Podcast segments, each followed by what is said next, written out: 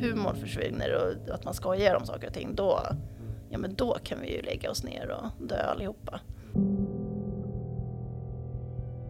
Jag kunde varit på någon, någon undersökning och så kom jag tillbaka och då ligger det en, en clown där.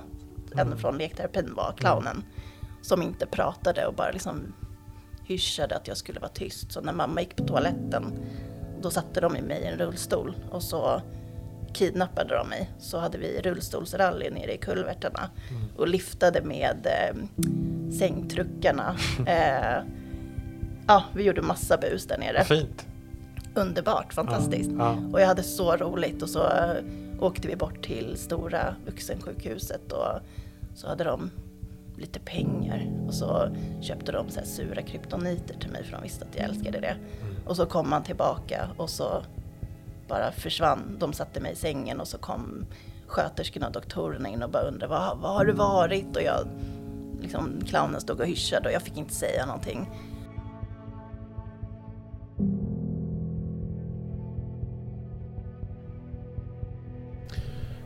Välkommen Elin.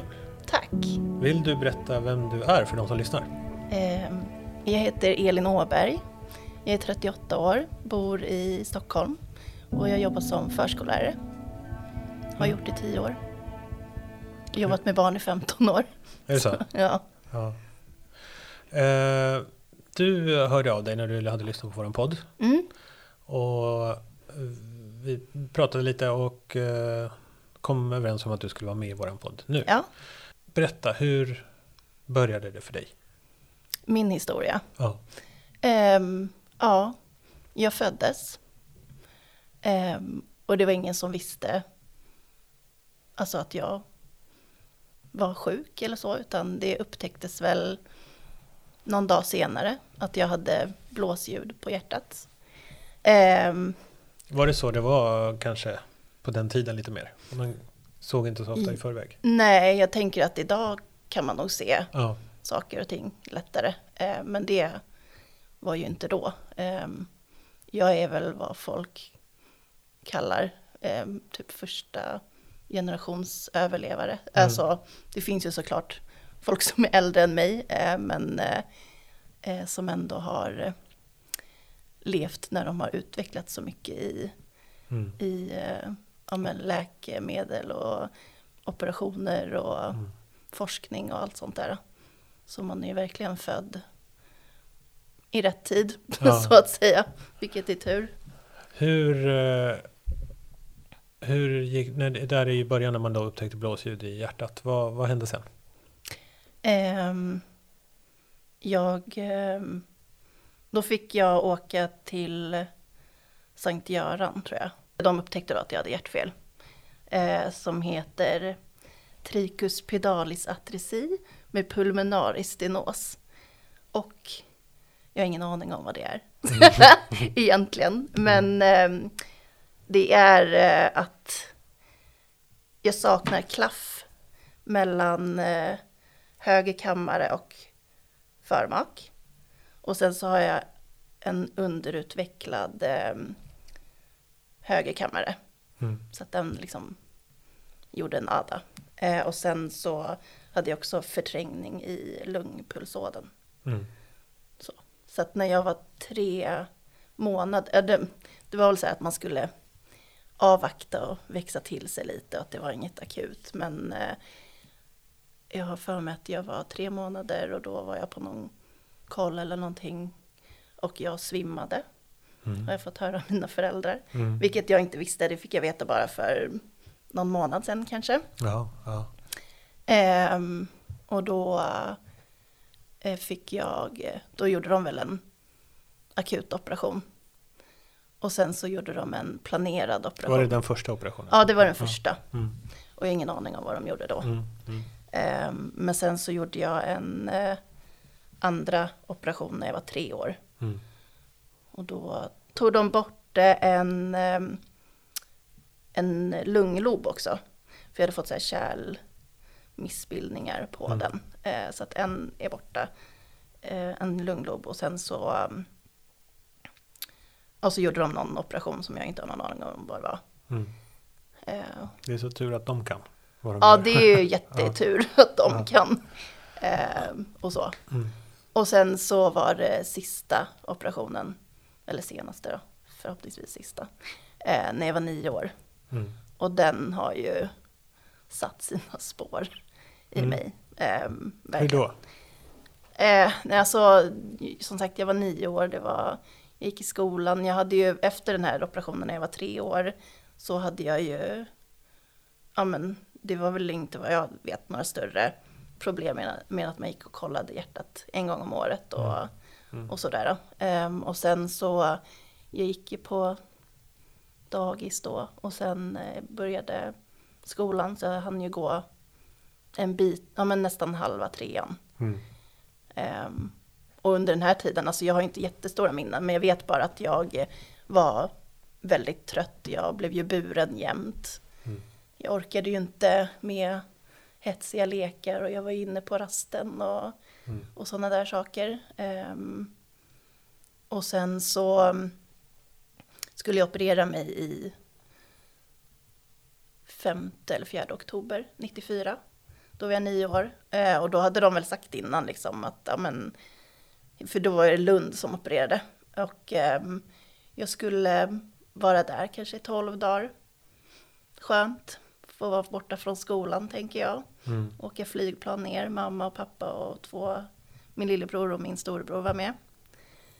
Eh, men sen så gick det ju 12 dagar och sen så gick det en månad och jag var väl totalt i ett halvår på Oj. sjukhus. Vad hände? Ehm, de gjorde den här äh, TCPC-operationen som de skulle göra. Där de, ehm, man bygger om flödet, liksom med blodet till, eh, från lungorna eller någonting. Mm. Och sen så fick jag ett enkammarhjärta då. Mm. Eh, Man skapar det. ja, man, man Ja. bygger ihop ett, Ja. ett enkammarhjärta och flödar om blodet lite grann Mm. då, så att det skulle bli, bli bättre och för mig att ha ett bättre liv, liksom orka mer. Mm. Eh, men problemet var att jag har någon slags talang av att samla på mig vätska. Så den tog ju liksom aldrig slut. Jag hade ju drän. Mm. Eh, men så, jag tror att det samlades först mycket i hjärtsäcken. Och de provade och tänkte att ja, men nu, nu har det försvunnit, så då tog de bort drän. Och så tio timmar senare så låg jag på operationsbordet igen, för då hade det kommit tillbaka. Mm. Och så till slut så, jag vet inte liksom tidsspannet och sådär, men eh, då hade de opererat, då bestämde de sig för att ta bort hjärtsäcken i hopp om att det liksom skulle sluta. Men då hamnade det i lungorna istället. Mm. Ehm, så jag hade ju tre drän i ett halvår. Mm. Ehm, så då kom från oktober, sen blev det november och då åkte brorsorna ner och pappa och då fyllde lillebror år. Fick vi fira hans födelsedag och sen blev det julafton Mm. i ett större rum och sen så blev det nyårsafton och ja, jag var ju jag var ju strandsatt i ett litet rum där på typ två kvadrat. Alltså det var min säng och mammas Mm. sån här liten tältsäng som fick plats där inne. Hur mådde du då? Kommer du ihåg det? Alltså det är så intressant för fram tills 2014 här, för ja, nästan tio år sedan, då har jag bara haft bra minnen från Lund. Mm. Det var verkligen så här, ja, det var roligt, det var kul. Eh, jag har bara haft så här minnen från lekterapin. Eh, de, för man, på den här avdelningen då fanns det ju inga, ehm, det var ju väldigt spartanskt, barn var inte inlagda länge Mm. jämfört med canceravdelningen som var på våningen ovanför. De hade tillgång till massa tv-apparater och allting. Och här fanns det två tjock-tv-apparater som rullades in på en, på en ställning. Och jag beslagtog väl en då. Ehm, men annars så fanns det ingenting. Så det var ju lekterapin som gjorde att jag överlevde mentalt och de som jobbade där, speciellt tre sköterskor. Eh, och de liksom tog mig på, jag kunde varit på någon, någon undersökning och så kom jag tillbaka och då ligger det en, en clown där. En Mm. från lekterapin var clownen. Som inte pratade och bara liksom hyschade att jag skulle vara tyst. Så när mamma gick på toaletten, då satte de i mig i en rullstol och så kidnappade de mig. Så hade vi rullstolsrally nere i kulvertarna och liftade med eh, sängtruckarna. eh, ja, vi gjorde massa bus där nere. Fint. Underbart, fantastiskt. Ja, ja. Och jag hade så roligt och så eh, åkte vi bort till stora vuxensjukhuset och så hade de lite pengar och så köpte de så sura kryptoniter till mig för de visste att jag älskade det. Och så kom man tillbaka och så bara försvann. De satte mig i sängen och så kom sköterskorna och doktorerna in och bara undrade vad, vad har du varit? Och jag, liksom clownen stod och hyschade och jag fick inte säga någonting. Och jag liksom, det här var ju livet. Eh, och det var ju på den nivån att på helgerna var det ju stängt på lekterapin. Men då hade jag och mamma fått nyckeln så vi kunde gå ner där när vi ville. Mm. Ehm, men då, det var ju de som gjorde att jag överlevde mentalt. Ehm, men jag förstod ju nu i vuxen ålder att det var sjukt uppstyrt med doktorer och mamma och, men alla bara spelade med för att och jag satte upp regler på dörren att inga doktorer fick komma in, de var tvungna att knacka först och de liksom, de körde, de köpte det. Ehm, så det var ju verkligen så här, ja, det har jag tagit med mig idag när jag jobbar med barn, att, ja, just det. att jag, lekfullheten och hur viktigt det är och liksom, Mm. ja, det gör så mycket. Men eh, nu, nu är du i vuxen ålder och tittar tillbaks på det här. Eh, ja, du sa att du fram till för snart tio år sedan. Ja, då hade jag bara bra minnen. Ja, vad hände sen då? Ehm, sen så, jag var precis färdig utbildad förskollärare. Hade börjat jobba. Ehm, och jag hann väl bara jobba, ja, nio månader kanske. Egentligen inte, Ja, då var, det var då jag blev sjuk, men kanske, vi säger några månader. Det hade kanske börjat längre, ingen aning. Jag började vakna på nätterna av att jag inte hörde någonting. Eh, Så jag fick sätta mig upp och knäppa med fingrarna så här vid öronen. Tills jag hörde. Och sen så kunde jag vakna av att jag fick ingen luft och bara satte mig upp. Så jag började bulla upp med kuddar. Och också så här, att det här är ju så sjukt normalt. Men, men jag reagerade liksom inte. Utan jag, ja, sen har jag ju alltid haft migrän. Ehm, mest in, alltså sen jag var barn. Men det avtog ganska mycket efter att jag hade opererat mig när jag var nio. Men så började det få så fruktansvärt ont i huvudet och jag skulle ju till jobbet så att jag kunde ju sitta med varmvattenslangen skjutsandes mot huvudet på morgonen i badkaret och äta frukost samtidigt för att om en timme ska jag vara på jobbet. Okej, ja. Ehm, Men sen så började jag också märka att Alltså jag har ju alltid varit underviktig. ehm, På grund av att hjärtat har alltid tagit så mycket energi och jag har inte kunnat bygga muskler för att jag inte orkat röra mig och allt sånt där. Men jag märkte liksom hur jag började äta men jag hade ingen, ingen ork. Men jag var också, det kändes som att jag hade så här eh, blodsockerfall hela tiden. Jag gick alltid med så här typ kakor eller bullar eller banan, alltså i fickan. Ehm, och sen så skulle jag få en influensaspruta hos min eh, gudssköterska då, Mm. Pia. Och så, skulle, mm, och så var min kusin med. Vi är lite så att vi tycker alltid att det är kul att åka på utflykt när, på, till sjukhuset när man själv inte behöver åka. Mm. Så hon åkte med mig. Ehm, och så frågade min sköterska mig så här, men har du gått upp i vikt? Och då tänkte jag, ja tack det har jag, för det har jag alltid velat göra. Ja. Eh, och hon tittade lite konstigt på mig, så bara så tittade hon på min kusin och bara, men vad tycker du? Och hon var ju så färg, alltså så här, hemmablind, hon såg ju mig nästan varje dag, så hon reagerade ju inte. Så började jag tänka efter, jag bara, ja men jag har ju haft svårt att stänga jackan på min jack- jobbjacka. Mm. Eh, och så kom min läkare in, eller om jag fick komma tillbaka, och hon la in mig direkt. För jag hade ju samlat på mig jättemycket vätska. Ja. Jag hade ju nästan sju liter i, i, i kroppen Ja. som jag bara kissade ur sen. Ehm, och antagligen hade jag fått små proppar.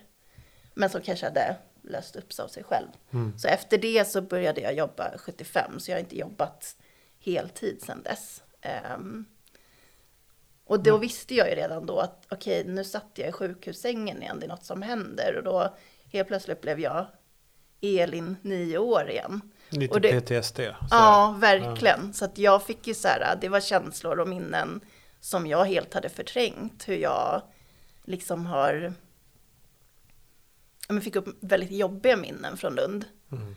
Hur jag en gång hade ett drän. Jag satt själv inne på rummet ehm, i Lund då. Och så bara gör jag någonting och så bara känner jag hur det blir sån konstig känsla i kroppen. Då har ett stygn lossnat från ett drän och det håller på att åka ut och det sugs ju Ja. från väggen. Och jag fick ju panik och trodde jag skulle dö. Alltså sådana Ja. här äh, Ja. dödskänslor. ja, för man vet inte exakt vad som Nej, händer och hur det funkar. Nej. Och också så här, jag har ju haft sån panikångest Mm. under hela mitt vuxna liv sedan jag var nio efter Lund.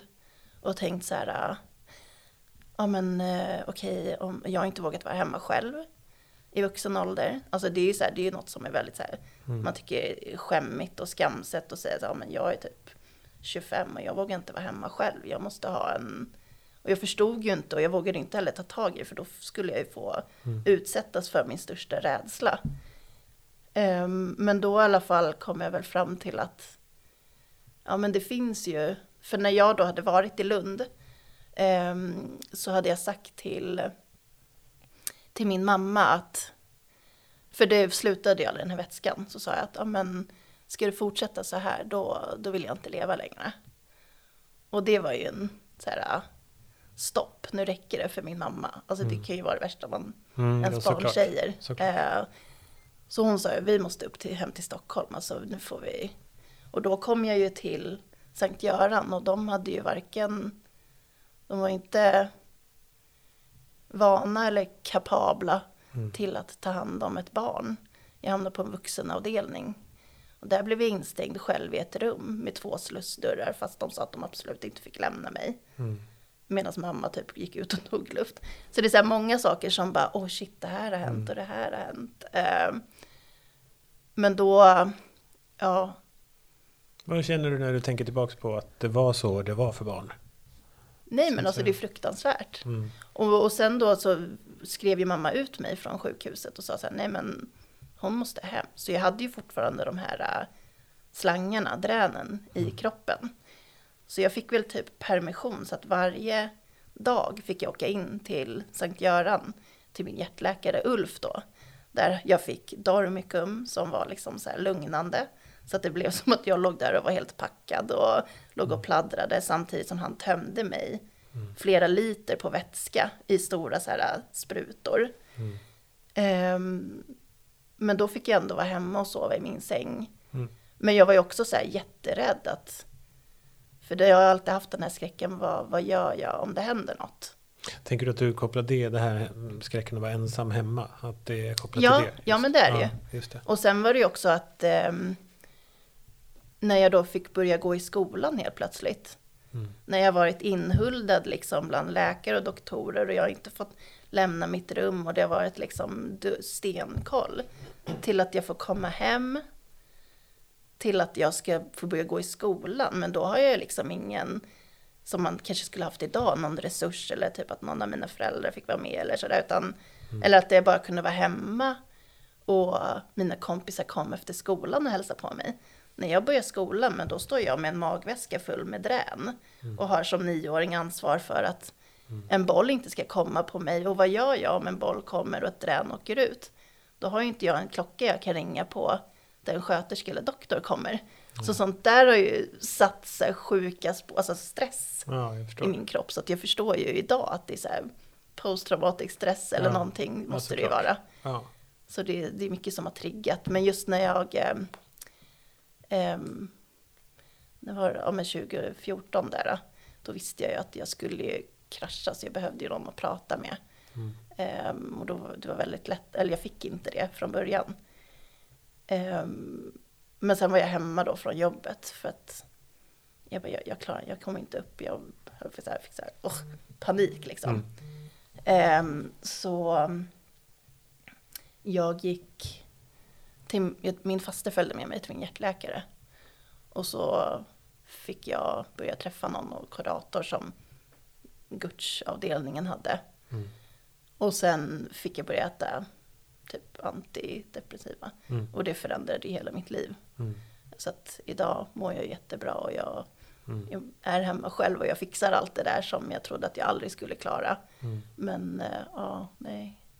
Delar du, eh, alltså har du delat din berättelse eller har du, Är du del av något nätverk där ni, alltså finns det något, känner du någon folk som har upplevt liknande saker som du? Nej, alltså jag har ju, det kanske är lite dumt att säga, men jag har ju aldrig velat, alltså Mm. som barn eller liksom tonåring. Jag vet att min mamma har ju alltid varit med i Hjärtebarnsföreningen och tidningar har kommit hem och hon har varit kontaktförälder för det har varit Mm. viktigt för henne och bra för hennes mående att få prata och dela med sig.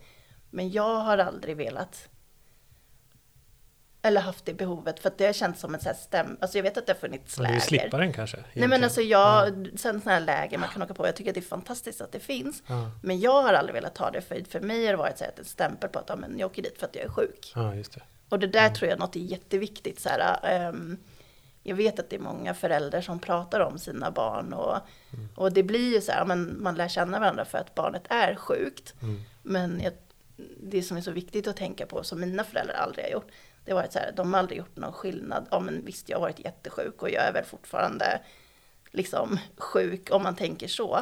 Men det är ju inte det första de säger när de träffar nya människor. Nej. Som jag märker att andra, och det kanske också har att göra med hur gammalt barnet är, men de har liksom aldrig gjort det när jag var liten heller. Eh, Jag har ju hört andra föräldrar som säger, ja men det här är mitt barn och den har hjärtfel Mm. Och det är svårt och det är det här och det här. Medan mina föräldrar varit så här, ja, och mina vänner också, så att ja men vem är Elin? Ja men det är, ja det är hon den blonda tjejen som Mm. skrattar mycket och drar dåliga skämt eller som, ja det är hon som jobbar som förskollärare. Det har inte varit där, ja men det är hon med hjärtfel. Nej, precis. Och jag har ju heller viktig- aldrig Hur viktig del av identiteten liksom. Nej men alltså det är Mm. viktigt att tänka att man, jag är Elin och jag har ett hjärtfel. Mm. Jag är inte ett hjärtfel. Mm. Och det är stor skillnad. För ja, Mm, jag kan förstå det där. Vad, eh, när du tänker tillbaks till eh, flickan Elin. Mm. Eh, skulle du vilja säga något till henne? du har gjort bra ifrån dig. Du är stark. Mm. Jag vet att min mamma frågade mig efter, efter att jag hade varit i Lund och när jag väl blev frisk då och Mm. all vätska slutade, liksom, den försvann. Eh, då frågade hon mig så här, ja men eh, om du, fick, om du får önska dig vad du vill, vad skulle du önska dig då? Mm. Och så satt jag väl och tänkte och jag var ju nio år så jag tänkte, sa väl något så här, men ja, jag vill ha den här dockan eller de här, äh, ja, vad det nu kunde ha varit. Mm.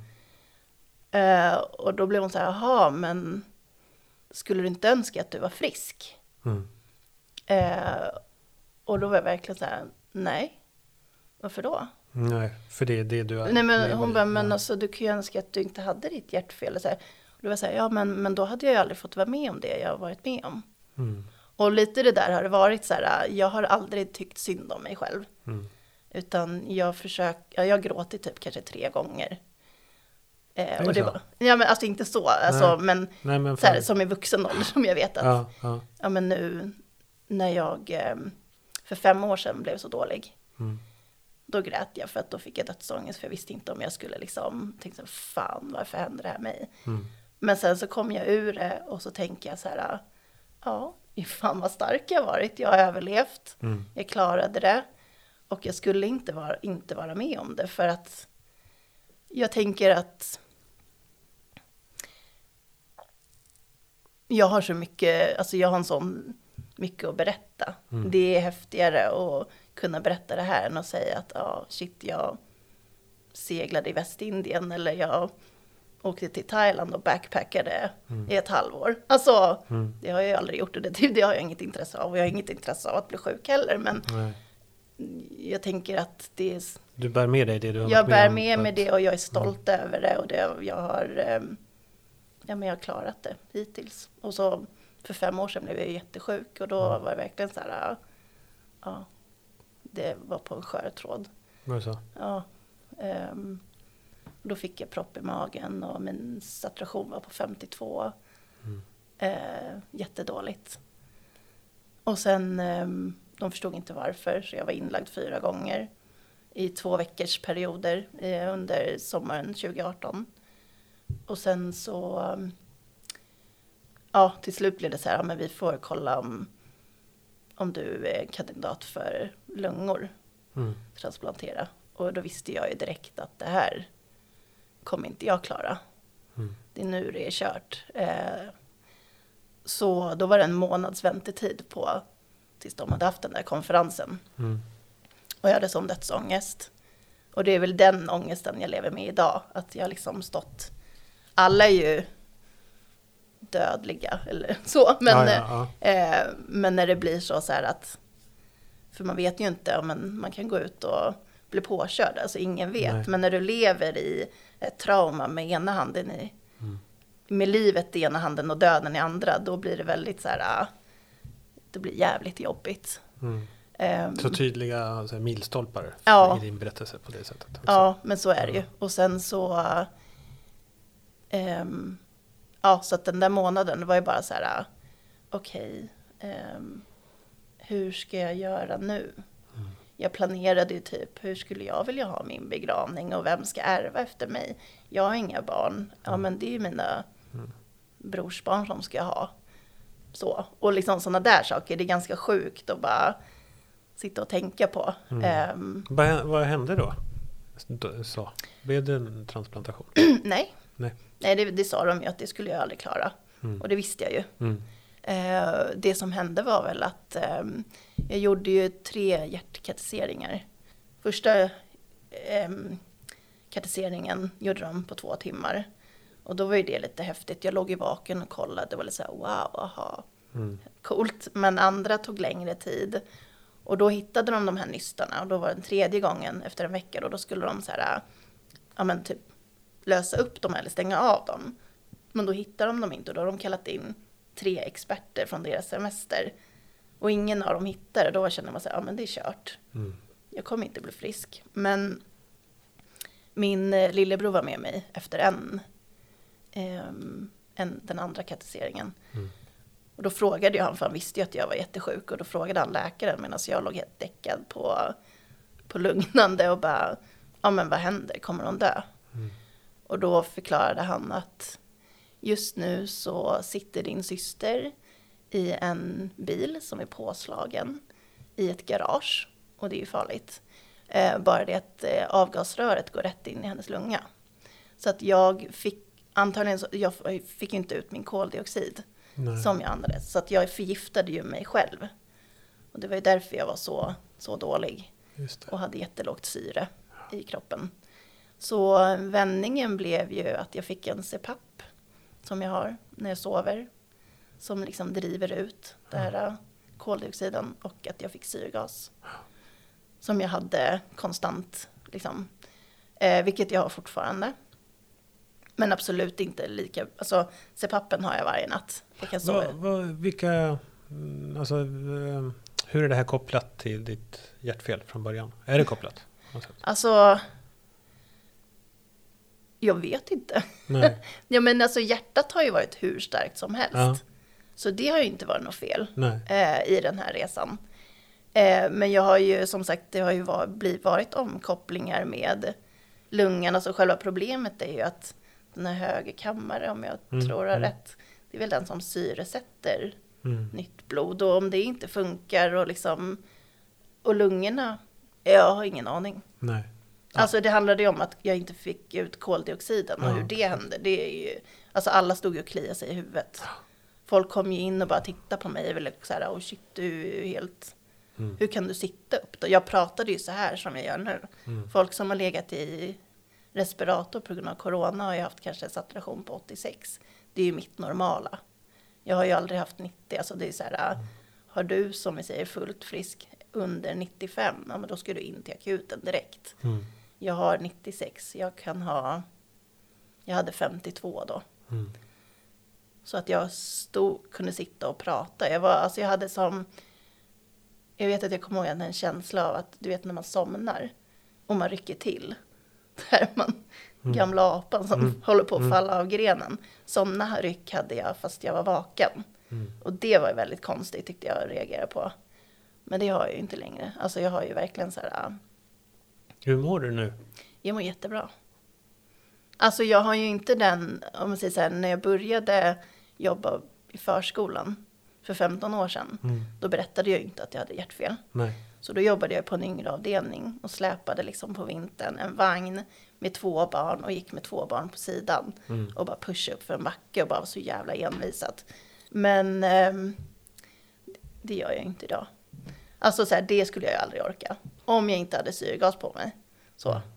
Men sen så, alltså det har ju blivit en försämring såklart för att alla när man blir äldre blir sämre i kropp och hit och dit. Men eh, jag har ändå, alltså jag har jättemycket ork. Jag jobbar ju fortfarande 75 procent. Mm.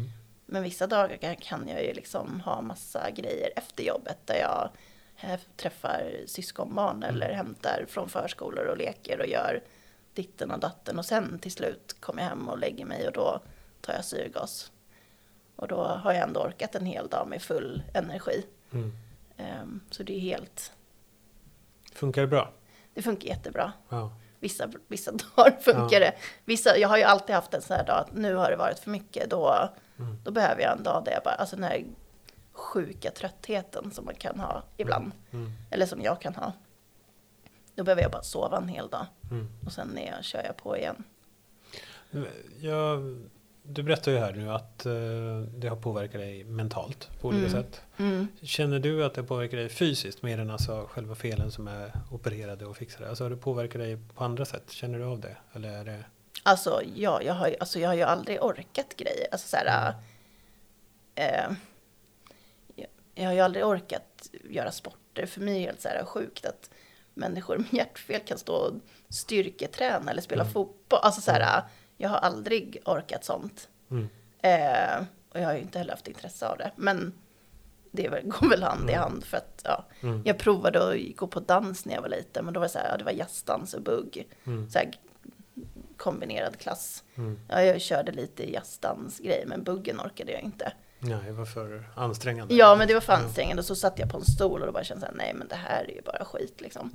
Jag ska göra det här. Och sen så har jag ju missat mycket. Men du vet så här under högstadiet, det var ju då jag hade väldigt mycket panikångest. Mm. Så jag missade ju hela den här fjortistiden när man var ute och rände på fester och, och sånt där. Men, eh, och då or- det orkade jag ju inte då. Nej. Men eh, alltså, Har du gjort det sen? ja ja, gud ja.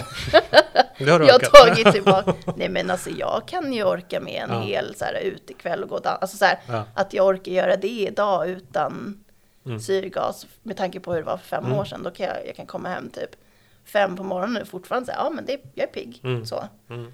Ehm, Det är ju häftigt. det är ju fantastiskt. Det är ju faktiskt det. ja, Ja. det är inte många som orkar det. Nej. Ehm, nej, men jag väljer ju. Jag, jag är ju väldigt duktig på att spara min Mm. energi. Mm. Och där har jag fantastiska chefer som har varit så himla stöttande också i mitt yrke. Mm. Där jag liksom inte har valt den lättaste yrkesrollen. Alltså, Nej. jag hade ju kunnat välja ett kontorsjobb där man sitter still. Mm. Nu är jag förskollärare och liksom ränner runt och leker med barn. Mm. Men där har jag ju lärt mig liksom, men jag orkar inte lyfta men jag sätter mig ner. Jag Mm. orkar inte springa och då är jag så här, barnen kommer och frågar, ah, men kan vi leka kull? Jag bara, ja det kan vi göra men jag orkar inte springa och jaga er. De bara, ja ja vi vet, du har hjärtfel.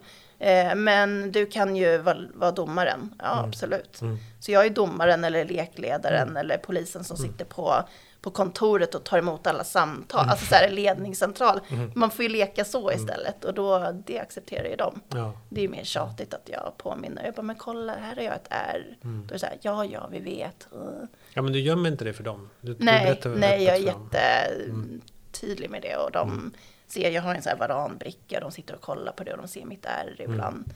Och liksom, jag tycker att i mitt yrke då pratar vi så himla mycket om, alltså så här för barn också, för man vet ju inte vad, alltså att de ska lära sig att ja, men, ja, alla är olika, Mm. men man har olika förutsättningar och jag är inte som alla andra, jag orkar inte som de andra kollegorna, men, men, jag, orkar, men jag kan göra massa andra saker. Så att där menar jag på att mina chefer har varit fantastiska för att de har ändå gjort så här att jag, jag de har tagit bort den här biten att jag är, jag är förskonad att jag behöver inte lämna gården, jag behöver inte ta Mm. barngrupper och gå iväg på promenad. Ja, För det tar ju jätteenergi av mig. Ja. Så det är den enda anpassningen jag har efter Mm. så. Att jag är liksom, det, och det känns tryggt och lugnande för mig och Mm. inte stressigt för då vet alla kollegor det också. Det blir som, tydligt bara. Ja, och som tidigare så var det så här, ja men jag berättade ju inte för folk. Nu är jag så övertydlig. Det är nästan så att de Mm. kanske tycker att det är håll käften någon gång. Alltså vi vet. Det tror jag inte. Berätta om något annat. Nej men Ja, alltså, ja, ja. nej men alltså jag tänker att det är, jag har ju varit med om att jag inte har kunnat säga. Mm. Folk inte förstår. Det är så här, för är man inte, Mm. är man fullt frisk eller så, så och, och jag ringer och säger, ja men hej, jag är hemma idag för att jag är trött. Mm. Ja men vem kan göra det? Alla är Nej, trötta. precis, precis. Det har jag inte kunnat säga. Så jag har ju fått ringa och säga, ja hej, jag har migrän idag. Jag, Mm. jag kommer imorgon. Mm. För migrän, det förstår folk. Mm. Så, typ, godnatt. På hela din resa här så har du haft din familj vid din sida. Mm.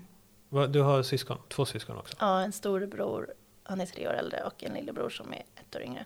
Ja, men så lillebrorsan har också varit med egentligen. Ja, och Hur- så har jag ju två kusiner som jag är, har vuxit upp med som är Mm. som mina syskon också. Mm. Så de är ju, min ena kusin är ju min stöttepelare i allt. Hon har ju varit Mm. med jättemycket på, på sjukhus. Mm. Hon är sjuksköterska också så hon jobbade ju bara o- ovanför mig när jag låg inlagd Ja. på sommaren Ja. eh, där 2018. Så hon kom ju ner och tog hand om mig och sov med mig när jag skulle göra min, Mm. min hjärtkatetisering första. Mm. För där var det så här, jag och mamma har ju varit så tajta i det här. Och, och jag vet ju, alltså nu som vuxen, då vet jag ju så här att det är klart att hon är jätteorolig. Mm. Om jag kan inte lägga, lägga all den, alltså om jag vet, jag vill kunna tänka på mig. Och självklart så bryr sig ju min kusin om mig, men hon kan mer så här, så, det blir inte lika känslomässigt Nej. involverande än om jag skulle haft med Mm. mamma. Och det är också så här, ja men som det här beskedet när de kom och berättade om lungorna. Att jag skulle eventuellt byta lungor och jag bara bröt ihop och då skickade jag ut mamma och bara gå härifrån, jag vill vara själv. Typ så här. Det- Jag vet ju att hon står och gråter på toaletten då. Mm. Ehm, men ehm, det blir liksom lite så här, nu måste jag tänka på mig Mm. och sen tar vi det. Mm. Så där har ju hon varit så här största. Men ja, de var ju utan oss i ett halvår. Mm. Så jag kan ju tänka mig hur mycket de har. Har ni pratat om det? Hur det präglar? Vi, vi gjorde ett avsnitt i podden med eh, stora syskon till Mm. ett hjärtebarn. Eh, och det kommer nog lite fram, i det samtalet kom det nog fram saker som de inte hade tänkt på så mycket heller. Men Nej, just sådana här minnen om hur det gick till, det är inte alltid det stämmer exakt faktamässigt. Men, men känslan är på ett sätt också. nej jag tror att de ehm, såklart har lidit Mm. i det tysta Mm. bredvid. Mm. Så. Ehm, tiden i Lund, ja, men då var vi inte ens i samma stad. Så att de Mm. fick ju, pappa han jobbade heltid och det skulle vara fotboll och hockeymatcher och försöka rodda med det.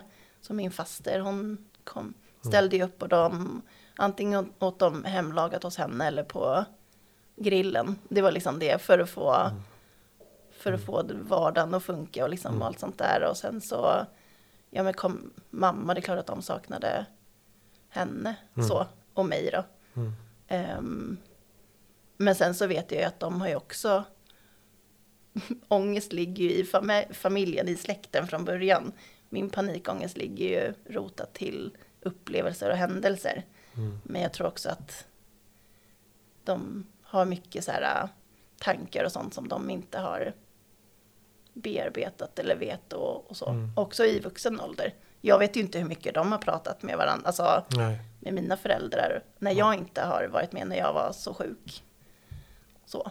Mm. Och det är väl egentligen inget vi har pratat om så där heller. Skulle du vilja göra det? Nu, om de hör det här, kommer ni att prata om det? Kanske. Ja. Nej men jag tror bara att, alltså så här, jag vet. Alltså Ja. vi är så nära Ja. varandra. Man Eh, kanske inte behöver säga allt.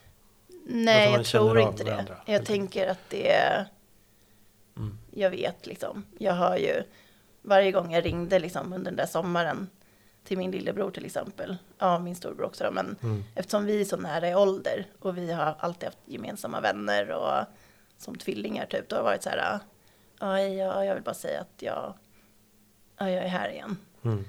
Och jag kunde bara höra han liksom, ja, föll ihop i en suck. Mm. Så. Eh, och min storebror också. Mm. Och så höll ju de skenet uppe för min skull. Sen Mm. hur de har mått vet jag inte riktigt heller. Nej, Så, nej. Men de har funnits där absolut. hela tiden? Ja, de och mina vänner. Alltså jag var ju aldrig... Nej. Jag vet när jag var liten då, när jag var nio år, då hade jag ju fyra, tre, fyra tjejkompisar. Som liksom, vi umgås ju inte idag var- så, men vi Mm. har ju alltid varandra. Mm. Och de skickade ju brev till mig. Alltså jag fick ju tio brev varje dag. Fint. Alltså en hel kartong hemma, en bananlåda ja, full med brev som de har skickat till mig.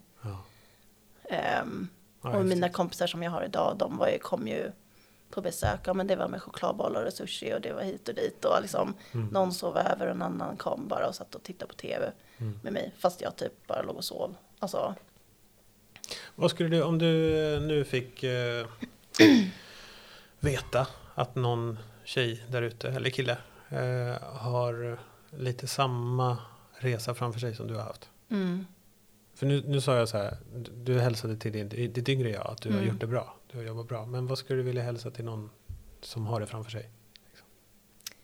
ehm, hmm, bra fråga. Det kan vara riktigt skit. Det kommer det vara. Det är jobbigt. Men eh, man får ta en dag i taget och inte stressa. Man måste tänka på sig själv. Och eh, det blir bra. Och sen kanske man inte kan, alltså så här.